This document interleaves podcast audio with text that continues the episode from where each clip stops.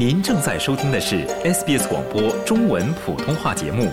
更多节目内容请浏览 sbs 点 com 点 au 闲斜杠 mandarin 或下载应用程序 SBS Radio App。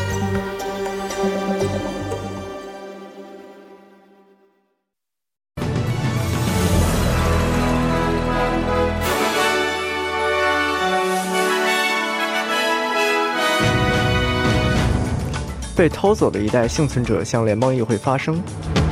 税务局解雇涉嫌参与退税骗局的员工，多国将举行会议商讨加沙停战方案，塔州州长宣布将提前举行州选举，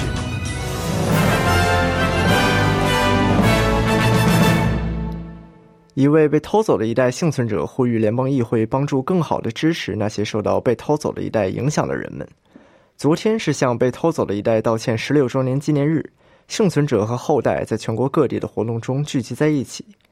在首都伊恩哈姆表示，他希望澳大利亚不同地区的被偷对被偷走的一代补救计划采取更多行动。They say when you come to Canberra, make sure you have an ask. 他们说，当你来埃堪培拉时，请确保你有一个问题。我有一个请求，正在发出呼吁。我个人恳求你们与西澳大利亚州、昆士兰州。南澳大利亚州、西南威尔士州和塔斯马尼亚州的州长和政府进行交谈、接触、游说、催促、刁难、辱骂，我并不在乎，以建立或重新考虑他们的被偷走的一代补救方案，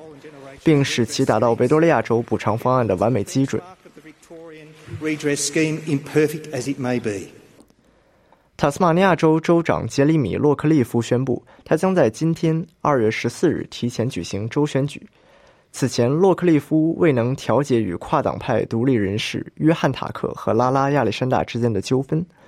洛克利夫曾希望这两位前自由党成员同意一项更具限制性的协议。他们在五月份决定离开该党，使政府成为少数派。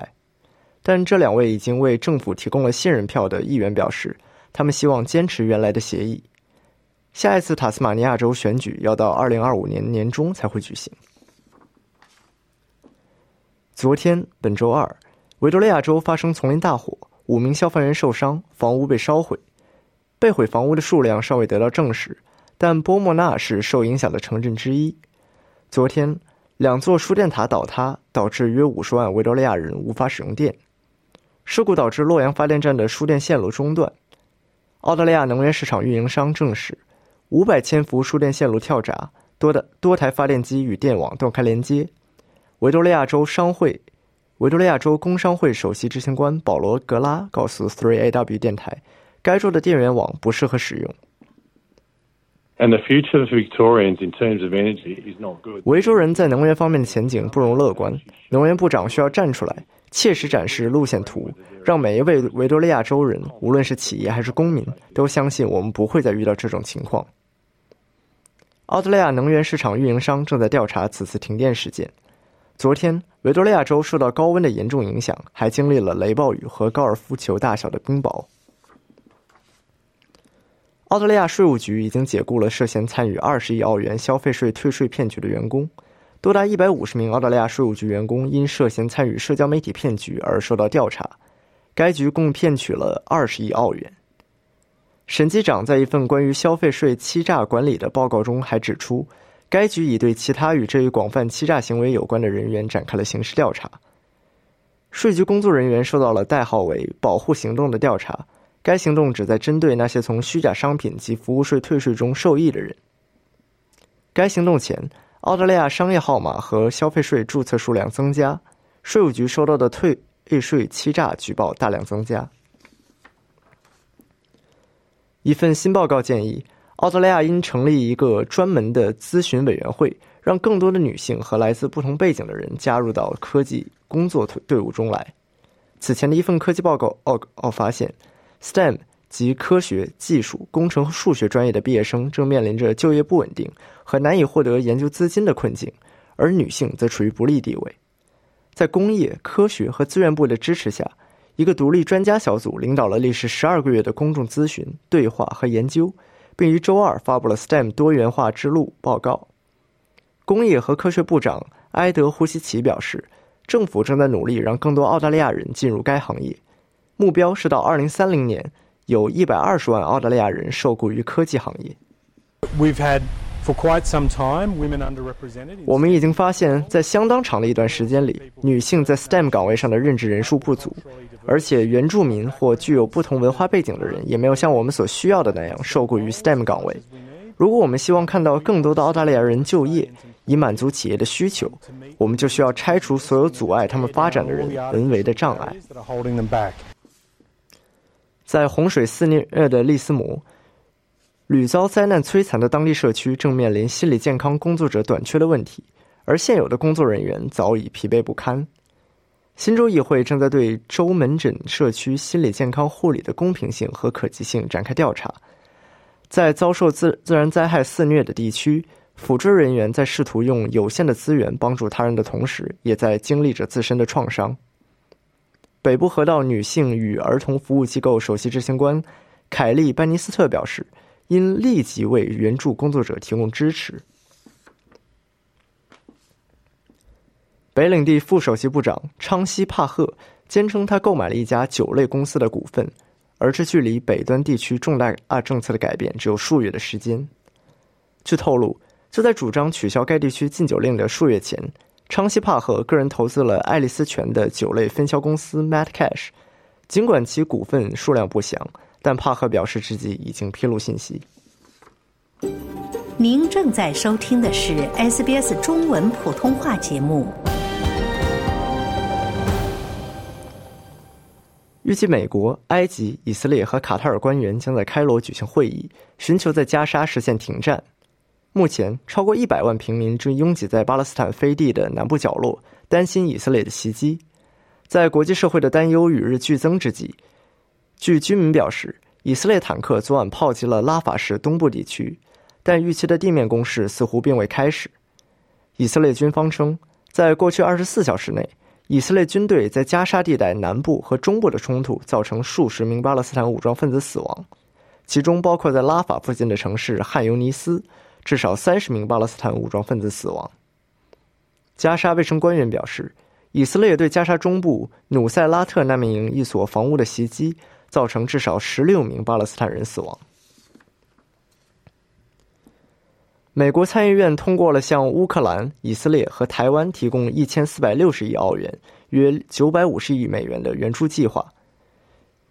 议员们以七十比二十九的票数通过了这一法案，超过了参议院六十票通过的门槛。其中六百一十亿美元将用于乌克兰，一百四十亿美元用于以色列对哈马斯的战争，四十八点三亿美元用于支持印度印度洋太平洋地区的合作伙伴。该方案中还有近一百亿美元将用于为冲突地区的平民，包括加沙的巴勒斯坦人提供人道主义援助。这项立法现在将提交给共和党控制的众议院，能否通过的疑问越来越大。今天，印度尼西亚选民将前往投票站选举，投票出新的总统。佐科威目前担任他的第二任，也是最后一任总统任期。这次选举将选出他的继任者。三名选举角逐者分别为国防部长普拉博沃·苏比安托以及两位前省长阿尼斯·巴斯维丹和甘亚尔·普拉诺沃。印尼是世界第三大民主国家，拥有约2.05亿合格选民，其中1.5亿人参加了上次选举。阿里亚·费尔南德斯是战略与国际研究中心的一名研究员，他说，佐科威参与了影响选民情绪和态度的活动。apa demokrasi kita tentu dalam ujian gitu. 我们的民主正在经受考验。当然，如果普拉诺沃获胜，作为公众和平民，我们需要进行强有力的严格控制，以确保民主仍然是首要选择，民主原则得到维护。澳大利亚情报及安全机构 ASIO 正在对乌克兰和中东战争的余波进行分析消化，但澳洲本土的恐怖威胁仍未改变。在外界对自发性暴力行为的担忧仍在持续之际，ASIO 负责人麦克·伯吉斯呼吁保持冷静。国家情报局局长安德鲁·希勒表示，加沙和乌克兰的战争使保护澳大利亚利益的工作变得更加复杂。泰国前总理加信·希纳瓦在服刑六个月后获获准假释。这位备受争议的前总理最初曾在海外度过了十五年的监狱生涯。他曾因滥用职权被判处八年监禁，待泰国国王将其刑期减为一年。他信大约一半的刑期是在医院度过，目前尚不清楚他是否曾在监狱中服刑过。根据惩戒部门的规定，他信从周六起随时可能获释。泰国总理塞塔他威信称，他信是泰国政治史上最受欢迎的总理之一，是国家的宝贵财富。The past is the past. 过去的已经过去，他已经通过了司法系统的审判。他儿孙满堂，小女儿是党派爱领导人。我相信他会有很好的建议作为指导。研究发现，难民和寻求庇护妇女在澳大利亚移民中心的拘留时间越长，他们就越容易遭受暴力，从而加剧他们的创伤。最近的一项研究分析了2013年至2017年期间联邦监察员报告中有关252名妇女的数据，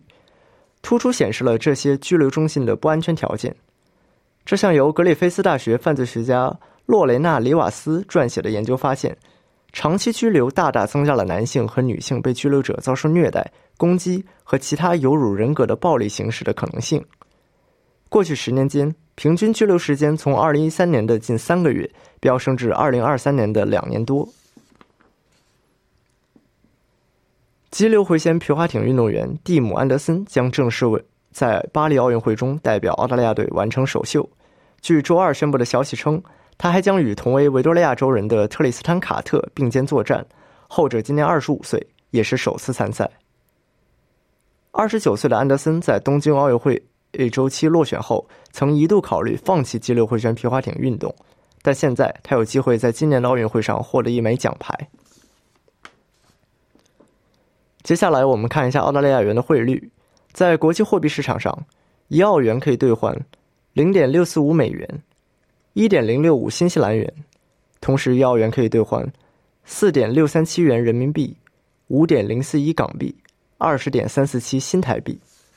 了解澳洲，融入澳洲，欢迎登录 sbs 点 com 点 au 前斜杠 language 前斜杠 mandarin，获取更多澳大利亚新闻和资讯。